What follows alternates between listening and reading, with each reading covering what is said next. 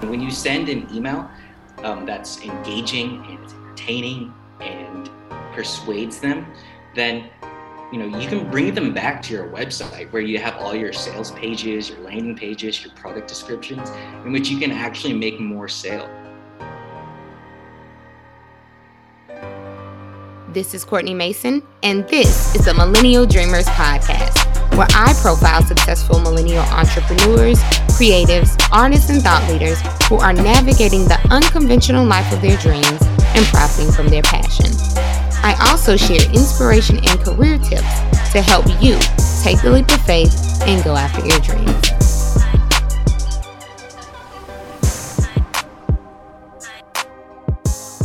Millennial Dreamers, today on the podcast, we're sitting down with Francis Nayan, a copywriter, email marketer, and traveling entrepreneur living in Budapest who turned his writing expertise into a full time business. Francis, welcome to the podcast. Thank you so much, Courtney. I'm so excited to be here and uh, to speak with all of you millennial dreamers out there. There's so many of us, and uh, yeah, just happy to, to speak with you and uh, have this time with you. Yes. Now I I know a couple of people who are from Hungary who've moved to the United States, but I don't think I've ever spoken with anyone who's currently living in Budapest. So how's everything there now?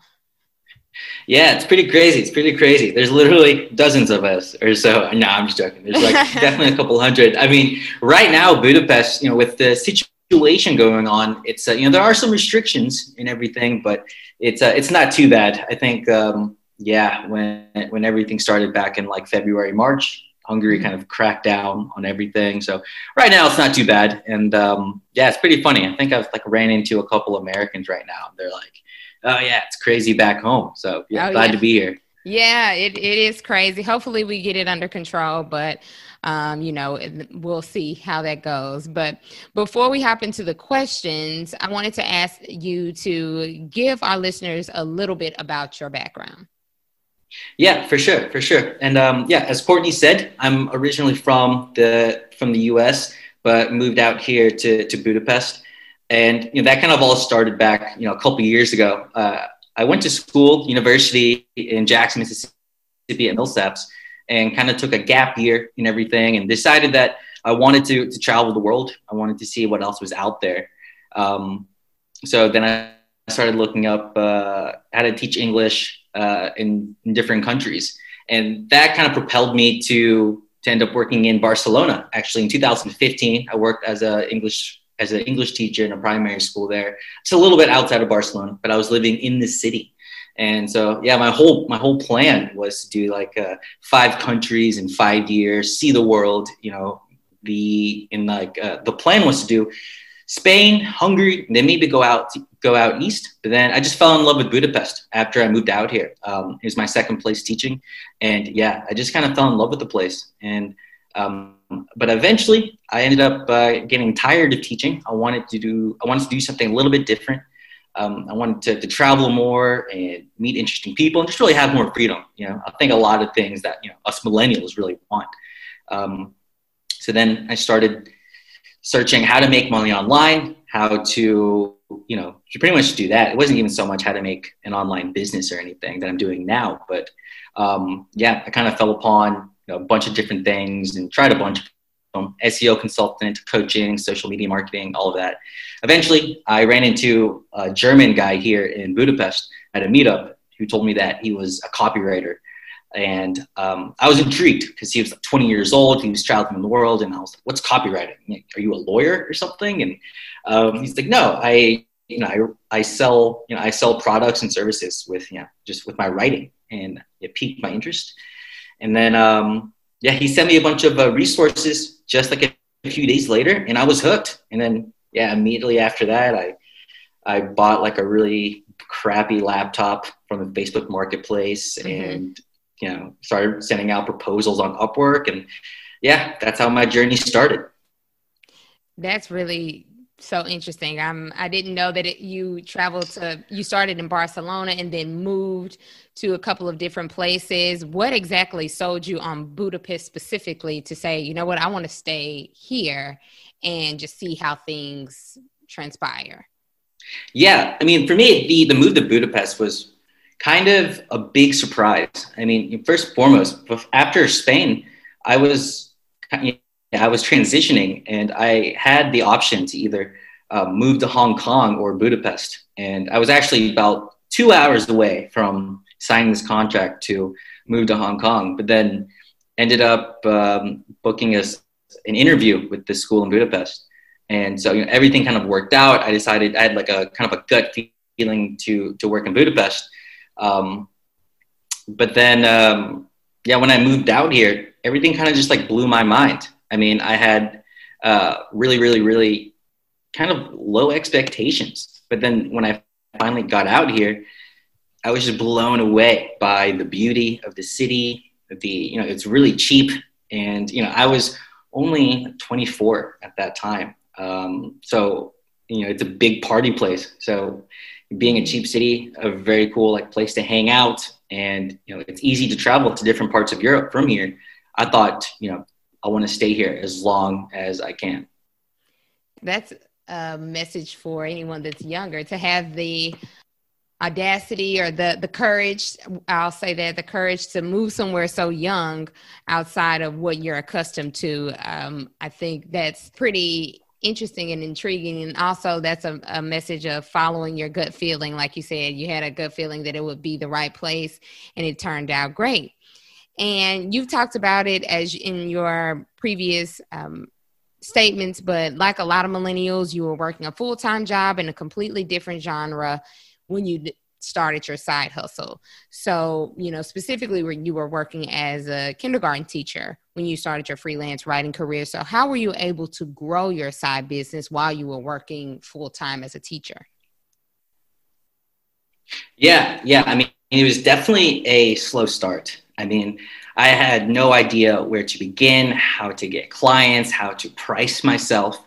Um, but you know, the way I was able to grow the side business into you know, something full time was to treat it like a full time job. Mm-hmm. Um, and you know, I would get off the work and I would immediately open up my laptop and either learn different ways to to generate clients, how to write better copy, how to promote myself better, and I would do this, you know, another five, six, seven hours, you know, until midnight or so, just trying to figure it out, sending proposals.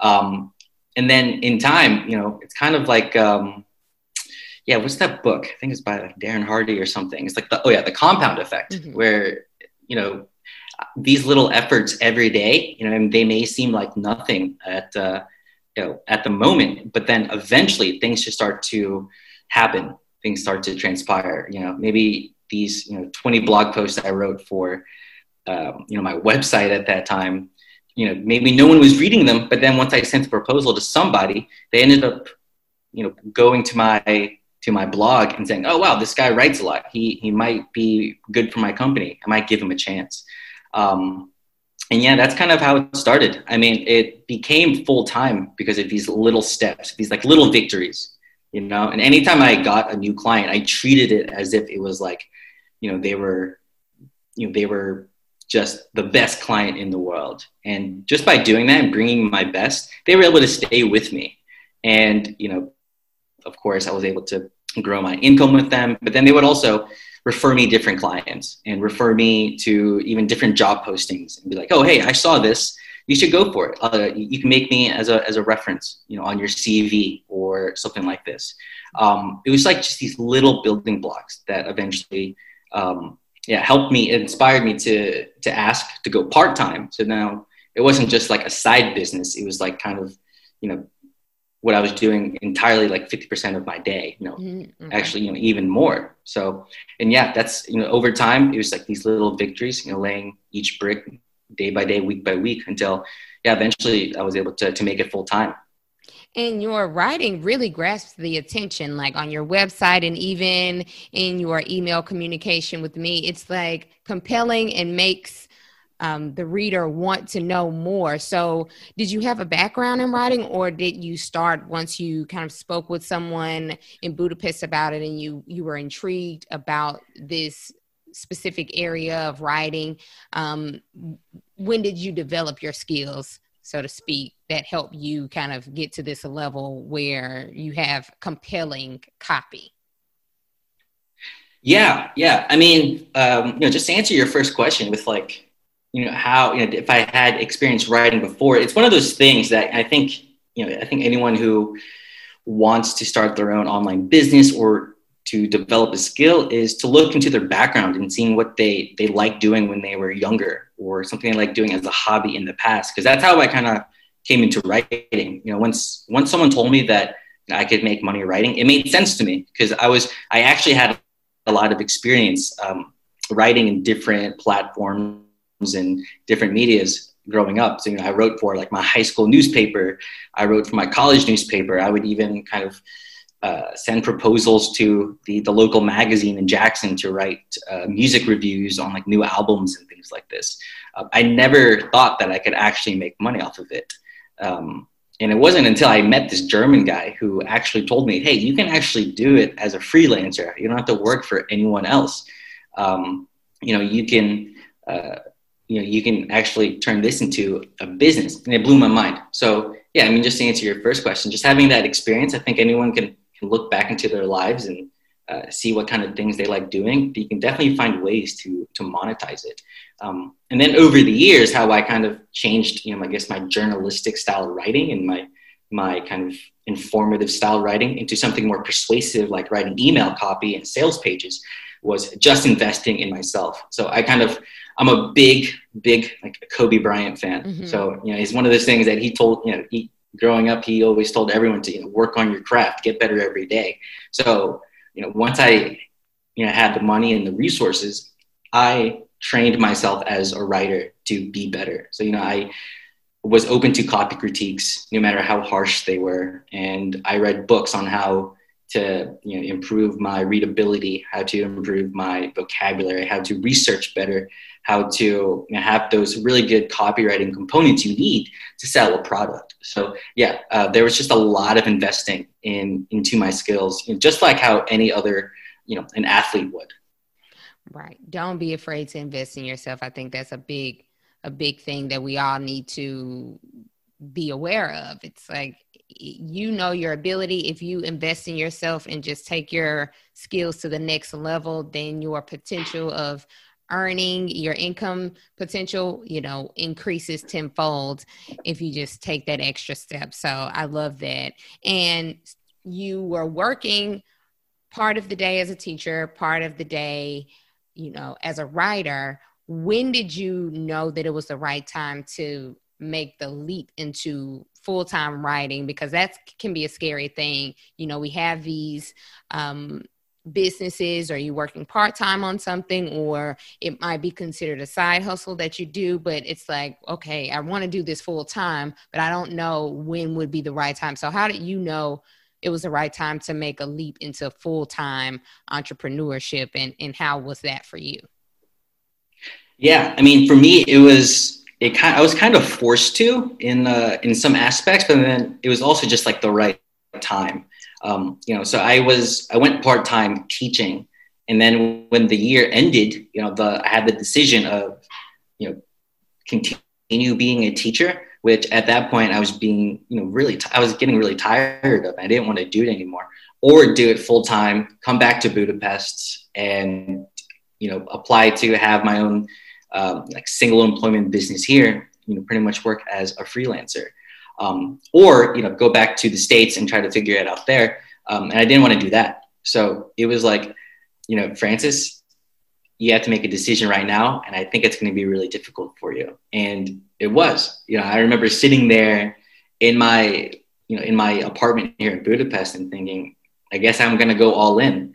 And i was terrified because it was like i wasn't at that point i wasn't necessarily ready you know in, in regards to money and everything i wasn't uh, still wasn't business savvy i don't think my skills were there yet but then you know i kind of had no choice and I, in my head, I kind of made a decision of, you know, I'm going to make this happen no matter what. Um, so then I w- went back to I went back to Memphis to kind of get my head straight um, and to figure out like my course of action. And I was there for about two to three months. And um, at that point, I remember it was kind of weird because you know when you uh, I'm not sure if anyone here believes in like the woo woo and energies or manifestation things like that. But I remember just saying to myself that I'm going to make this happen and I'm going to do everything I can. And then like two days later, I had a parent from the kindergarten. Um, he contacted me and was like, "Hey, my company is looking for a copywriter, a native English speaking copywriter. Um, can you do that?" And I found out that um, yeah, he he hooked me up with a with an interview and everything, and it was like my first like full time retainer job. You know, earning two thousand or two thousand five hundred a month, which is you know pretty good amount of money to to have in Budapest. Mm-hmm. And um, yeah, it just kind of happened. And even through that, it, the the connections I made with that company, they were a full time, like a full contact, like fight league. Um, I was able to meet so many people who ended up referring me to to new business, giving me new tips on how to market myself. Because for them, they were trying to make it really big. You know, they had a lot of marketers who worked at Facebook, BuzzFeed, UFC, ESPN, and you know, here's me, just like the lowly kind of really bad copywriter at that time, trying to kind of leech on to you know as much value as I possibly could. Um, but yeah, just making that decision, it wasn't easy. You know, I I think uh, even in my proposal to you, I, I, spoke, I wrote about how I was like scrapping for like egg and bread money. Mm-hmm. Um, but you know, there's it was difficult, but I wouldn't I wouldn't have traded traded it for you know the world. I mean, that was such a a kind of an interesting, fun time of like me trying different things and really wanting to make this work. Um, but uh, you know, I'm sure with you, with your business um, and everything, it's just like you know, sometimes these little, you know, these humble beginnings are, you know, they kind of make you, uh, they make you feel pretty good looking back at it. Yes. And I, I'm certainly a person that believes in manifestation because I don't think we can create anything if we don't see it or put the intention out there. So I'm certainly someone who, you know, believes and subscribes to to the idea of manifesting the things that you want in terms of your career, in life, in different areas of your life. Um, I, it's really important to me. So I do agree. And humble be- beginnings are always something that you can look back on fondly and say, I look where I've come or how far I've progressed in this thing that just started as like a thought in my mind. So I think that's that's pretty dope. And a big part of your business is helping brands with their digital marketing strategies. So in essence, you write compelling emails that help companies sell more of their products and services. In your opinion, why should entrepreneurs and business owners focus more on email marketing? Yeah, yeah. I mean, I definitely think everyone should focus more on email marketing, and even if they're they they have some type of strategy, then there's definitely ways to optimize it more. Um, I know nowadays a lot of people say email marketing is dead, social media is you know the best thing. Which I think social media is great. I think it's fantastic. It's useful, and social media and email marketing can go hand in hand. Go hand in hand. Sorry, but email marketing is one of those things in which you can reach your customers and prospective clients in a much more personal way than social media could never do. And you know, by doing, you know, what I mean by that is I like to look I like to look at social media as you know when you're scrolling through Instagram or Facebook or LinkedIn is when you're scrolling and you see these little advertisements or even when people showcase offers um, you know, those are like billboards that you see on the interstate. You know, when you're driving down I-55 and you just see this big banner right there, you're going to look at it, you're going to remember it. But you know, I think the best way to send an offer to your your prospects and to engage with them and to keep them hooked on to your brand and business is by sending them a personalized email that that hooks them in you know and when you send an email um, that's engaging and it's entertaining and persuades them, then you know you can bring them back to your website where you have all your sales pages, your landing pages, your product descriptions, in which you can actually make more sales. Um, you know, it's also it's also one of those things in which you can you can scale it you know there's a lot of companies out there that have a very basic level of email marketing which they have they may have a couple automations they may email once or twice a week, once or even once or twice a month. I've seen that happen with before with, with past clients. Um, but you know, there are ways to, to when you can regularly send emails to optimize it to where you can actually create automations based on their behavior, on what they click on, or you know when they open the email, or you know how they even join your list. That way, you can even send them more relevant offers based on their interests. Um, and you know, I've seen you know some of the craziest companies, you know, one product companies or companies that are so incredibly niche, absolutely kill it with uh, with good email marketing. And yeah, I mean, I think anyone who has a business, whether you're a coach or e-commerce or you um, you know you sell affiliate products or anything like this, even if you have like a local plumbing business or a restaurant or something, sending an email to these people who you know they they use the energy to go to your website and opt into your email list and to send them offers to bring them to your service. Um, I think it's incredibly powerful, and I I think that uh, you know it's definitely underused by a lot of companies.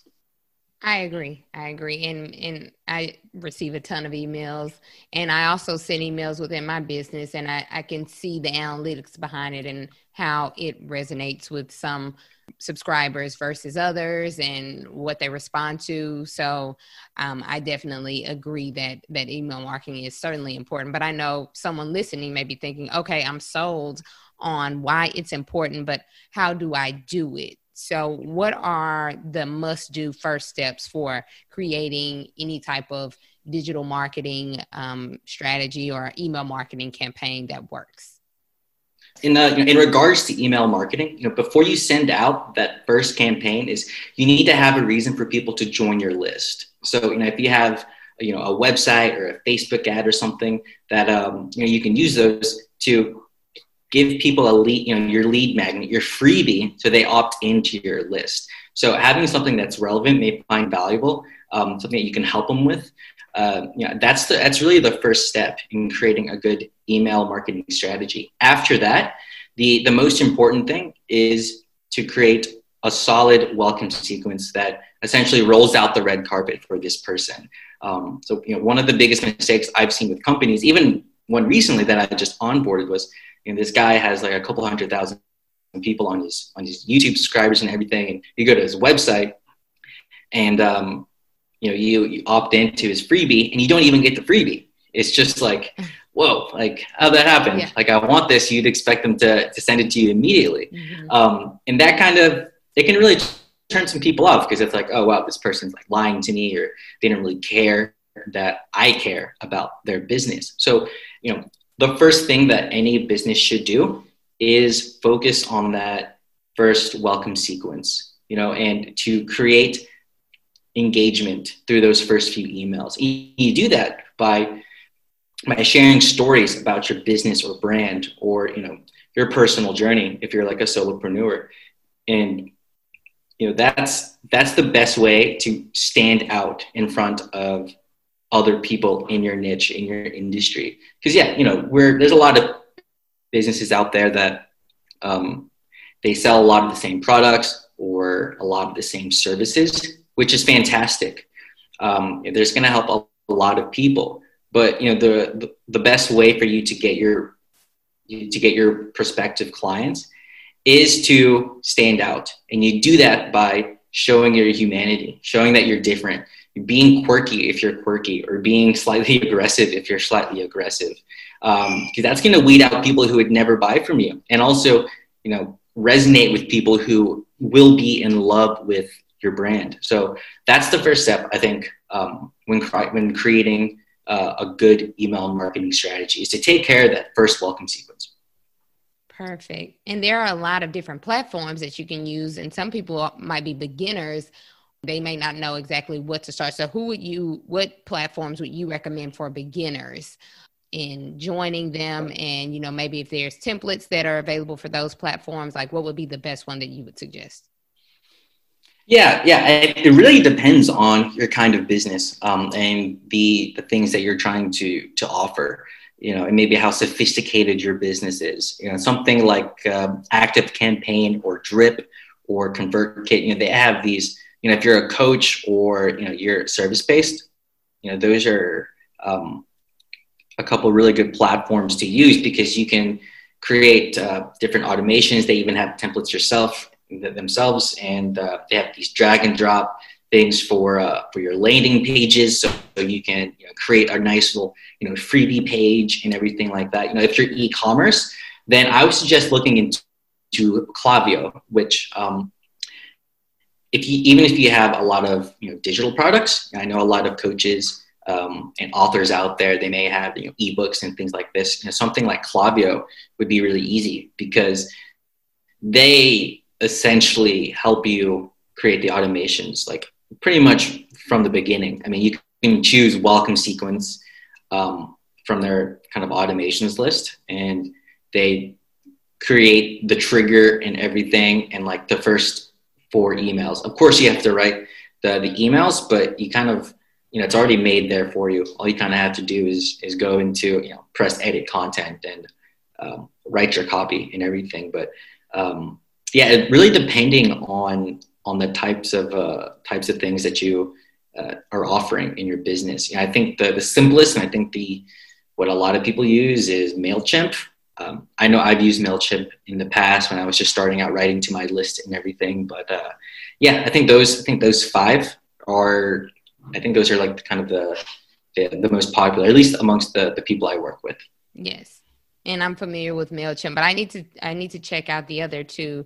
Um, it might be time to upgrade um, as I grow. So I think that was good. But that was that's always a question. People say, "Well, what which one do you use, or what's the best one?" So that's very insightful. You've you've shared a lot of helpful information. But before we conclude, are there any recommendations that you might have for anyone who's just a fellow dream tracer or you know aspiring freelancer of any kind whether it's copywriting or or otherwise. Um, you've done a lot within your own personal career um, traveling the world and being an entrepreneur and succeeding at it. So what are some you know final parting words that you may have for anyone who's looking to to live um, the life of an entrepreneur and step out step out on faith so to speak and, and, and do that thing yeah, I mean, it's um, I would just say to to take risks, but to let them be calculated. I mean,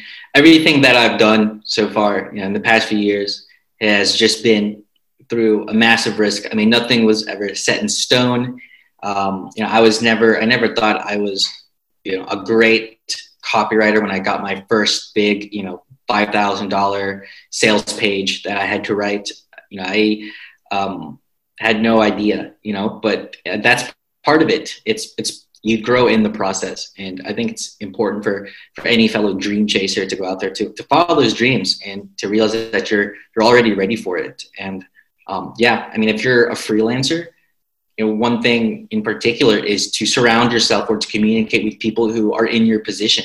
Um, and you can do that by joining different mentorships or masterminds or even um, a really good Facebook group. You know, even right now, I am in a, a, a, mastermind with you know some two really great mentors from the Copywriter Club, and you know it's great to to work with uh, Rob and Kira. You know, the past few months, and you know, it's funny because when I first started out as a copywriter, I joined their free group, and just being in that group, I was able to understand, you know, how to run my business, how to write better copy, and you know, I can also see that other people are in the same situation as me. You know, whether they're struggling or they're succeeding. You know, I could get advice and you know understand understand and see that I'm not alone in my journey. Um, and that is, I think, that's enough to um, to really inspire you to keep moving. You know, and things like you know this podcast. You have a lot of amazing guests on here, and your listeners can um, can see that you know, there's other people who are just like them, been in their situation, and um, it's an amazing place to to learn from. So yeah, I mean, going into these groups and being open and being you know, vulnerable with where you are and what you want to learn helps you learn um, to to become a better freelancer, better business owner, better writer. That's what you do. So I think that'd be, uh, I guess, my my one or two big tips there. Well, that's perfect parting words, something that we can all take take something from take the initiative to seek out these groups and there's some that are you know free of charge to participate in and they can make all the difference in helping you to to learn and grow even before, um, you know, joining masterminds it's like take that initiative if it's something you really want to do. So i really like that. That's perfect parting words. And francis I, have enjoyed this so much. How can um, listeners follow you and learn more of the information that you have or even you know become a client if they're you know have a business and they're looking to grow it? How can how can we follow along and stay in contact with you yeah, um, if anyone wants to stay in contact with me and hear from me more, you can just follow me at storiesandcopy.com. Um, it's my website there, and you can just uh, join my email list. I email uh, uh, and engage with my list pretty regularly. And I also have a, a new kind of ebook coming out called The Click Rate Code How to Make Money and Make More Sales, um, even if you're not a writer. And that comes out um, in the next few weeks so yeah, if you want to kind of pre-order that and get it for free, um, join my list and you'll get all the details there. Well, I'm certainly joining because I definitely want that in my email box um, or my inbox as soon as possible or as soon as it's released. So, thank you so much. I appreciate your time and your insight. And Millennial Dreamers, we are signing out. Peace.